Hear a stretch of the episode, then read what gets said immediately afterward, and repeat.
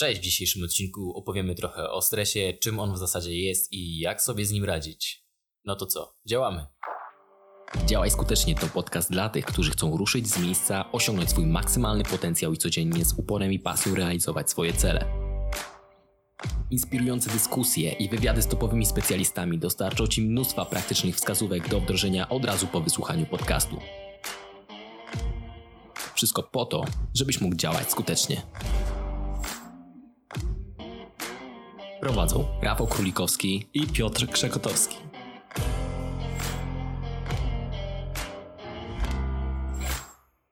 Cześć, witajcie w kolejnym odcinku podcastu Działaj Skutecznie. Dzisiaj będziemy rozmawiali o tym, jak poradzić sobie ze stresem, nie tylko w biznesie, ale też w życiu codziennym. E, z naszej perspektywy jest to bardzo ważna umiejętność ku temu, żeby działać skutecznie, razem obok e, pewności siebie. Ale najpierw chyba warto byłoby zdefiniować, czym ten stres tak naprawdę jest. Tak, i rozłożymy sobie stres na czynniki pierwsze. Przede wszystkim trzeba zaznaczyć, że stres jest normalną reakcją organizmu, która po prostu przygotowuje nas na jakąś nieznaną sytuację i nie jest niczym złym. I to jest chyba kluczowa kwestia, że stres powinien przejść u nas do porządku dziennego jako, jako emocja, jako reakcja. I, I ważne, żeby to podkreślić, to jest normalna część naszego życia. Pocą nam się ręce, robi nam się gorąco, mamy szybszy, płytszy oddech i po prostu trzeba to zaakceptować. Każdy się stresuje. Co więcej, stres ma takie same objawy jak ekscytacja. Z tą różnicą, że ekscytacja sprawia, że ty się cieszysz, a stres sprawia, że się paraliżujesz. Dlatego warto sobie to myślenie o stresie trochę przedefiniować i raczej traktować go jako naszą szansę, okazję do tego, żeby się wykazać, bo skoro ma dokładnie takie same objawy jak ekscytacja, no to potraktujmy go raczej jak sprzymierzeńca niż jako wroga. Tak, istotne jest tutaj też y, wywoływanie u siebie sytuacji stresogenych, czyli dzięki temu zwiększamy swoją ekspozycję na stres i późniejszych etapach też ten stres y, jest dla nas mniej szkodliwy. Dokładnie. My w pewnym momencie staniemy się rutyniarzami, czyli jeśli poddamy się takim sytuacjom stresowym 50, 100, 150, 200 razy, no to z czasem nie ma takiej mocy, żebyśmy do tego, tej, tej tolerancji na stres nie mieli zwiększonej. Czyli jakby robisz coś pierwszy raz, no to wiadomo, że ten stres będzie. Robisz coś pięćdziesiąty raz, jeżeli jest ta sama czynność, to ten stres automatycznie znika, już go nie czujesz. A nawet to może być fajna technika, kiedy zaczynasz coś robić i się stresujesz bardzo mocno. Ja na przykład miałem tak przy okazji kręcenia pierwszego odcinku naszego podcastu, dlatego że to był pierwszy raz przed mikrofonami. Mieliśmy przekazać jakąś wartość, więc też czułem podświadomie, że, że mówię do jakiejś e, większej grupy osób. Natomiast powiedziałem sobie wtedy, że okej, okay, pierwszy raz, te pierwsze razy nie są zazwyczaj satysfakcjonujące, nie zrobisz tego perfekcyjnie, ale pomyśl sobie, jak będzie wyglądało twoje, na przykład w tej sytuacji nagrywanie podcastu za 50 razem, za setnym razem, za 150 razem, czy też się będziesz stresował? Dokładnie tak. I to, co jeszcze można dodać, taki poziom redukcji stresu można zmniejszyć poprzez odpowiednie przygotowanie, czy to do wystąpień, czy to jakichś e, właśnie przedstawień, spotkań, tego typu rzeczy, które można się przygotować, bo oczywiście nie do każdej sytuacji jesteśmy w stanie się odpowiednio przygotować. Dokładnie, więc zawsze dobre przygotowanie nas będzie podświadomie, podświadomie będziemy się czuli pewnie. Dokładnie tak, będziemy czyli róbcie lekcje i przygotujcie stres. się do ważnego spotkania.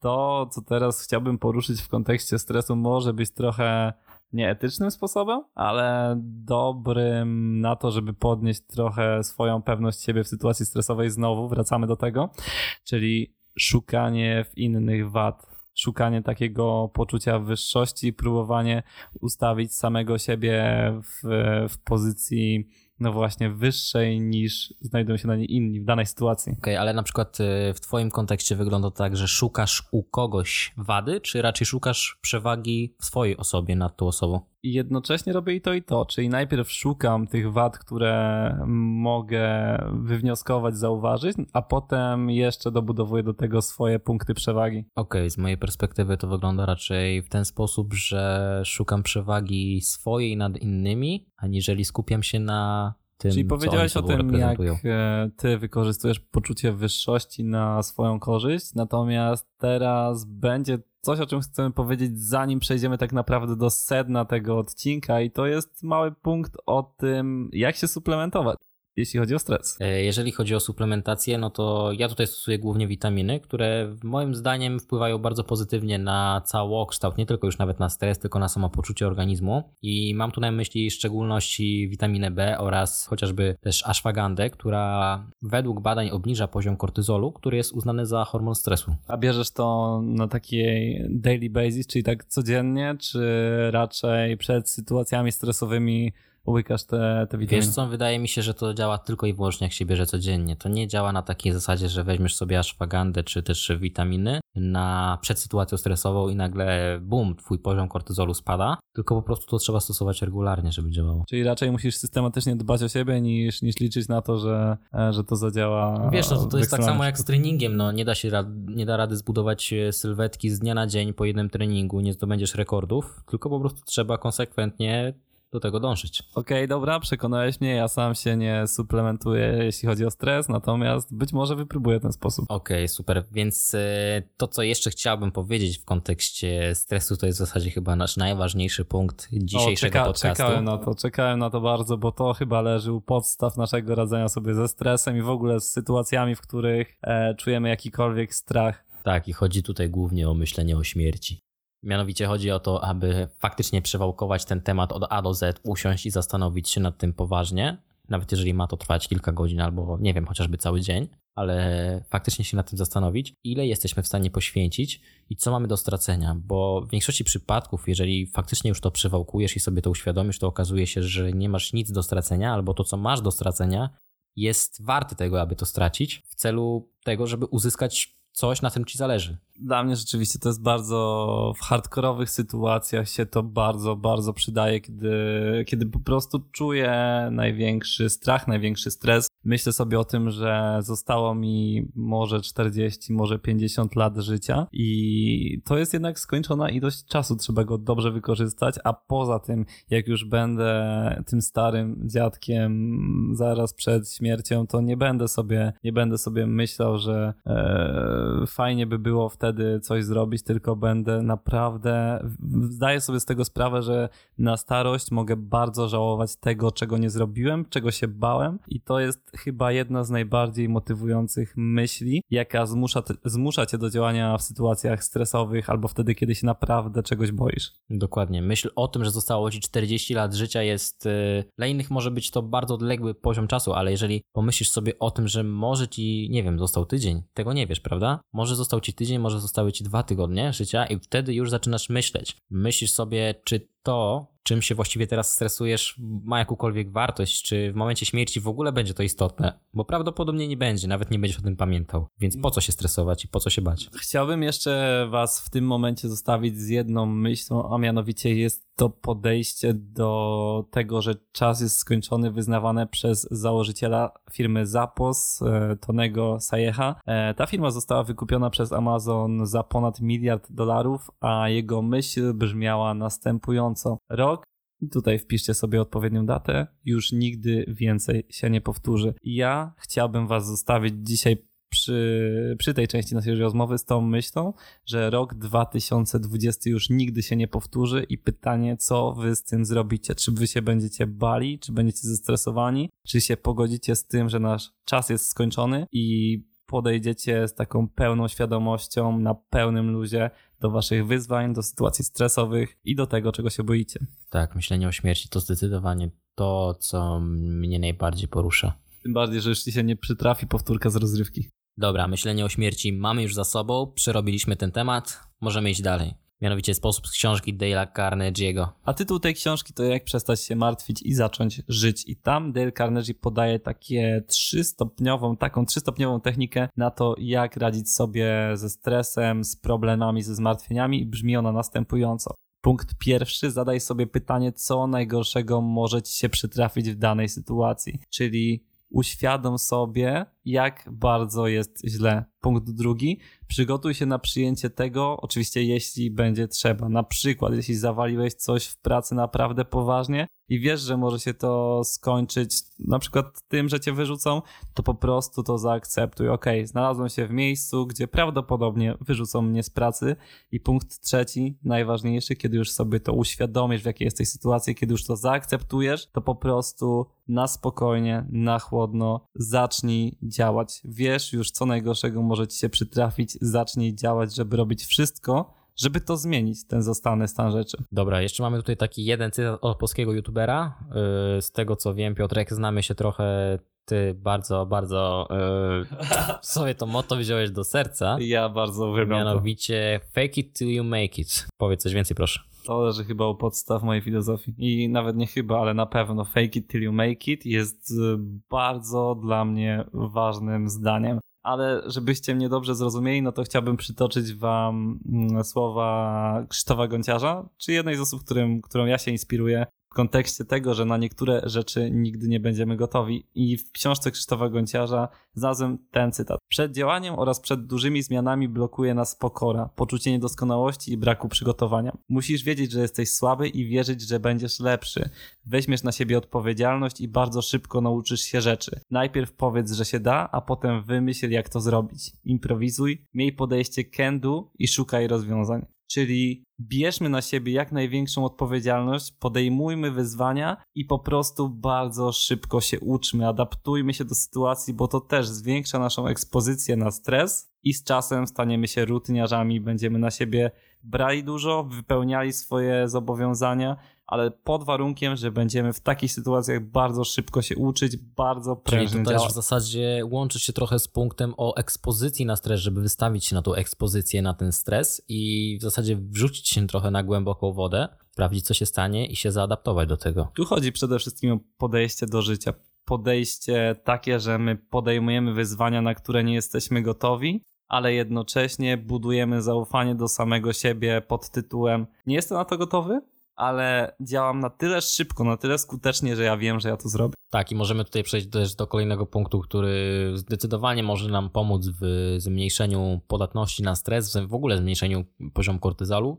Jest to przede wszystkim chwila uważności. Chwila uważności dla samego siebie, mantra, rozluźnienie, można to nazwać medytacją, jak zwał, tak zwał, nie ma to żadnego znaczenia. Chodzi o to, aby dać sobie chwilę, żeby twój mózg po prostu Nawet w odpoczął. sytuacji stresowej się to przydaje. W kontekście tego, że ja stosuję coś takiego, że kiedy się naprawdę zestresuję, to potrafię sobie w myślach po prostu powtarzać mantrę, żeby się e, odstresować i poczuć się wtedy jak przy medytacji. Okej, zdradzisz nam, jaka to jest mantra? Tego nie zdradzę, każdy musi znaleźć swoją mantrę, natomiast warto poszukać, warto sobie tą technikę zastosować i wydaje mi się, że ona się sprawdza.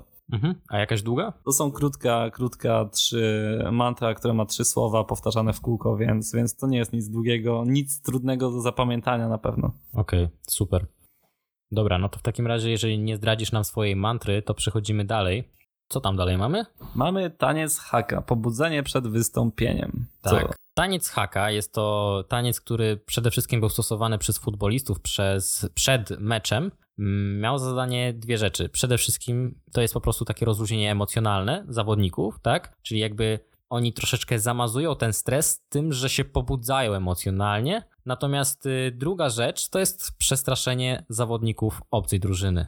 Czyli oni tutaj też transponują ten stres w ekscytację, Trochę tak, tak to można nazwać. tylko bardziej przez bodźce fizyczne. Tak, zdecydowanie. Ten taniec ma w sobie, no trzeba to po prostu zobaczyć. Możecie sobie wpisać w Google taniec haka i obejrzeć taki taniec zawodników z Stanów Zjednoczonych.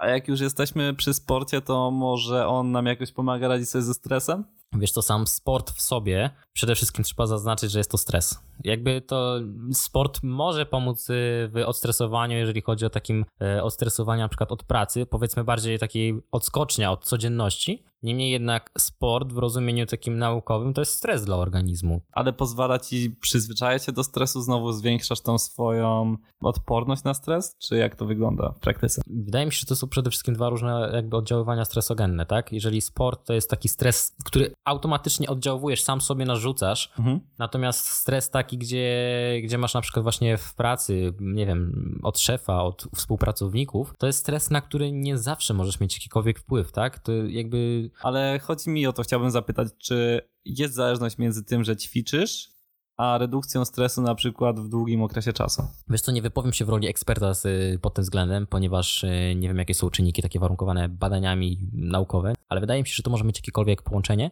skoro zarówno tu i tu mamy do czynienia ze stresem, z tym, że jeden stres jest stresem fizycznym, a drugi stres jest bardziej stresem psychicznym. No ja rozumiem, rozumiem, tą, rozumiem to, ten podział, ale chodzi mi o to, czy ty odczuwasz codziennie na przykład jak ćwiczysz, że jesteś mniej zestresowany. Po treningu tak, w trakcie treningu nie. Okej, czyli to ma jakieś przełożenie. Wydaje mi się, że tak. No dobra, dobra, super, dowiedziałem się co chciałem. Redukcja takiej energii, tak? Y, Masz jakby taką niezużytą energię w sobie i na tej treningu y, tą energię zużywasz, oczywiście stresując się w trakcie treningu, ale zużywasz ją właśnie na trening, a nie na to, żeby się później stresować po treningu. Mhm, mhm, rozumiem. Kupuję to. I co? Mamy temat sportu już załatwiony, a teraz przechodzimy bardziej do planowania i skutecznej produktywności. Czyli mm, planowanie zmniejsza poziom stresu. W jaki sposób? Wydaje mi się, że zyskujesz większe poczucie kontroli i tym samym masz większy spokój wewnętrzny, jeśli planujesz. No ale z twojej perspektywy, tak? Planujesz dzień, masz większe poczucie kontroli i czy to uważasz, że wpływa jakkolwiek na twój poziom stresu? Jasne, że tak. Yy, zacznijmy w ogóle od tego, że nigdy pełnej kontroli nie będziesz miał, ale planowanie pozwala ci e, jakąś jej część zyskać i to jest dla mnie jednak kluczowe. Ja sobie wygospodarowuję e, czas zawsze w niedzielę na to, żeby zaplanować tydzień do przodu, a w ciągu tygodnia zawsze wieczorem planuję kolejny dzień i to mi pomaga. Okej. Czyli redukcja poziomu stresu poprzez po prostu odpowiednie rozplanowanie swojego dnia i kontrolę nad tym, co się będzie działo takiego dnia. Kolejna rzecz na naszej liście to jest zrobienie czegokolwiek, zanim się rozmyślisz. I tutaj jest bardzo dobry przykład, na przykład, e, przykład na przykład ze stresującymi rozmowami przez telefon, na przykład kiedy musimy się z czegoś wytłumaczyć, nie dowieźliśmy jakiegoś tematu, e, albo po prostu sytuacja jest dosyć napięta i my tak naprawdę e, cały dzień potrafimy prokrastynować tą czynność, nie wykonać jej, a tak naprawdę chodzi tylko o to, żeby w, ki- w kilka sekund podjąć szybką decyzję o tym, żeby wcisnąć zieloną słuchawkę. Tak? To jest bardzo praktyczny przykład, możecie to wykorzystywać. Najgorzej jest podjąć decyzję. Okej, ale robisz to na poczekaniu, czy przygotowujesz się do takiej rozmowy? Bo to się trochę kłóci z tym naszym wcześniejszym punktem o tym, żeby się przygotowywać. Lubię planować dzień, natomiast ja bardzo doceniam umiejętność improwizacji w kontakcie z ludźmi i staram się takich rozmów. Być może czasem zdarzają mi się sytuacje przy bardzo ciężkich rozmowach, kiedy próbuję sobie je wypunktować, natomiast ja duży nacisk kładę na improwizację i na entuzjazm. Wydaje mi się, że entuzjazm jest jedną z, taką, z takich rzeczy, które ci pomagają wygrywać nawet najtrudniejsze rozmowy. Rozumiem, w kontekście rozmowy telefonicznej jak najbardziej to zadziała, a w kontekście, kiedy masz e, kontakt bezpośredni, fajnie tutaj jeszcze spożytkować coś takiego jak power poses, czyli Czyli musicie zrozumieć zależność tego, że nasz organizm, nasze ciało w momencie, kiedy my się stresujemy, próbuje przybrać jak najmniejszą powierzchnię. My się zaczynamy garbić, zaczynamy się kulić, zaczynamy krzyżować nogi,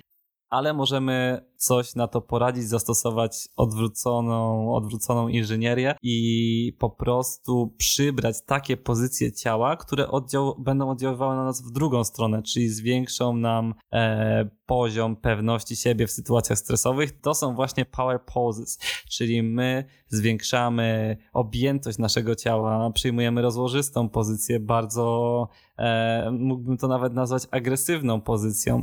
Rozkładamy ręce, rozkładamy e, nogi na boki, kiedy siedzimy i po prostu zwiększamy swoją powierzchnię. jeżeli zauważysz ten moment, w którym się stresujesz i w którym przyjmujesz tą zaniżoną pozy- pozycję ciała, no to automatycznie po prostu yy, implementujesz Stres. Implementujesz stres. I tutaj wracamy do punktu fake it till you make it. Jak się stresujesz i wiesz, że przyjmujesz, uświadamiasz sobie, że przyjmujesz taką e, stresogenną pozę, no to ją zmień i próbuj utrzymać taką power pose z właśnie rozłożystą e, przez 5 minut. nawet na siłę, nawet na siłę, bo to też jest... Tu Yy, chodzi o dyscyplinę, właśnie tak jak mówisz. yy, dobra, jeżeli chodzi o Kolejny punkt, w zasadzie już jeden z ostatnich punktów, mianowicie nie bądź perfekcyjny, czyli pogodzić się z ewentualną porażką, wyciągnąć z niej lekcję i iść dalej. I to tak naprawdę też moim zdaniem się łączy z tym punktem o śmierci. Nie bądź perfekcyjny, czyli po prostu chodzi o to, że nie masz nic do stracenia, leć dalej i nawet jeżeli się nie uda, co z tego, jakby możesz, możesz dalej działać, prawda? Możesz, możesz jeszcze raz to osiągnąć. Trochę takie podejście get shit done, po prostu leć do przodu, rób rzeczy i tyle. Nie bądź perfekcjonistą. Zacznij z tym, co masz tu i teraz i lecimy dalej. Nie ma tutaj się na tym rozwodzić, to jest bardzo prosty punkt. Muzyka. Tutaj Piotrek akurat y, wspomniałeś wcześniej przed odcinkiem, że uspokaja cię deszcz i odgłosy miasta, bądź też biały szum. Tak, ja jestem chory na tym punkcie. Jak pracuję, to, to nie to, że wychodzę sobie na miasto i słucham odgłosów miasta, natomiast puszczam sobie e, odgłosów dużych miast na YouTubie. E, słucham na przykład odgłosów e, Nowego Jorku, odgłosów Tokio. To jest dla mnie bardzo, bardzo, bardzo uspokajające. Myślę, że to już jest bardzo takie, mm, powiedziałbym, personalizacja danej muzyki już pod tego, pod, pod względem tego, co ciebie odstresowuje i co ty lubisz słuchać, ale czy to, czy to będzie deszcz, czy to będą głosy miasta, czy konkretnie jakaś muzyka rockowa, rock and roll, może jakiś jazz. No i co? Przechodzimy do ostatniego punktu tego odcinka, czyli zdrowa dieta, która pomoże nam zredukować stres. Tak, y, mamy tutaj też na myśli sen i tą dietę. Y, tutaj jakby przede wszystkim chodzi o to, że ta dieta, ten sen mają ogromny wpływ na nasze samopoczucie, a też właśnie na poziom stresu poniekąd. Dlatego warto zwrócić uwagę, że zdrowa dieta to jest dieta dostosowana do nas. No i sen po prostu odpowiednia dawka. To leży u podstaw skutecznego działania. I tyle. Jeżeli chodzi o podsumowanie tego odcinka, to powiemy tylko o tym, że stres będzie i nie da się go całkowicie wyeliminować z życia, ponieważ on jest y, przydatny dla naszego organizmu. Nasz organizm potrzebuje stresu i możemy go redukować na naszą korzyść, ale nie możemy go wyeliminować całkowicie. Możemy go po prostu traktować jak ekscytację, przeramować swoje myślenie, myśleć o stresie jako o sytuacji, w której e, mamy jakieś wyzwanie, mamy czymś się zaekscytować, przetransponować po prostu uczucie stresu na ekscytację. Czyli na zasadzie, jeżeli się stresuję, ja tak na przykład też mam, że się stresuję i myślę sobie, zajebiście, dobrze, że się stresuję, właśnie tak, zaraz tak, coś się tak, wydarzy, to jest nie? to i to jest clue. Nie myśleć sobie, o mój Boże, mam sytuację stresową, tylko stresuję się, czyli znaczy, że mój organizm już jest gotowy do najwyższej wydajności. Dokładnie tak. Yy, I wtedy działam najlepiej w zasadzie, ale to już chyba kwestia tego indywidualna. No i najważniejsza rzecz, jaką chcemy, żebyście zapamiętali z tego odcinka, to właśnie ten punkt o śmierci, czyli o tym, że nie masz nic do stracenia i nie masz się czego bać, bo punkcie, w którym będziesz umierać i tak nie pomyślisz o tym, że się stresowałeś przed tym jebanym wystąpieniem. Mamy jedno życie, jakieś 30-40 lat, które nam zostało i nie będzie już powtórki. I tym słodko-gorzkim, trochę nieoptymistycznym akcentem zostawiamy Was e, do przemyślenia, z przemyśleniami na temat dzisiejszego odcinka. E, dajcie nam znać, jak podobał Wam się nasz odcinek. Możecie to zrobić w komentarzach na Facebooku, na YouTubie lub w iTunes. Nie zapomnijcie jeszcze, że ocenić nasz podcast. Jeżeli macie jakiekolwiek pytania, feedback lub propozycje tematów odcinków, napiszcie do nas na naszych social mediach. I co? Widzimy się w kolejnym odcinku.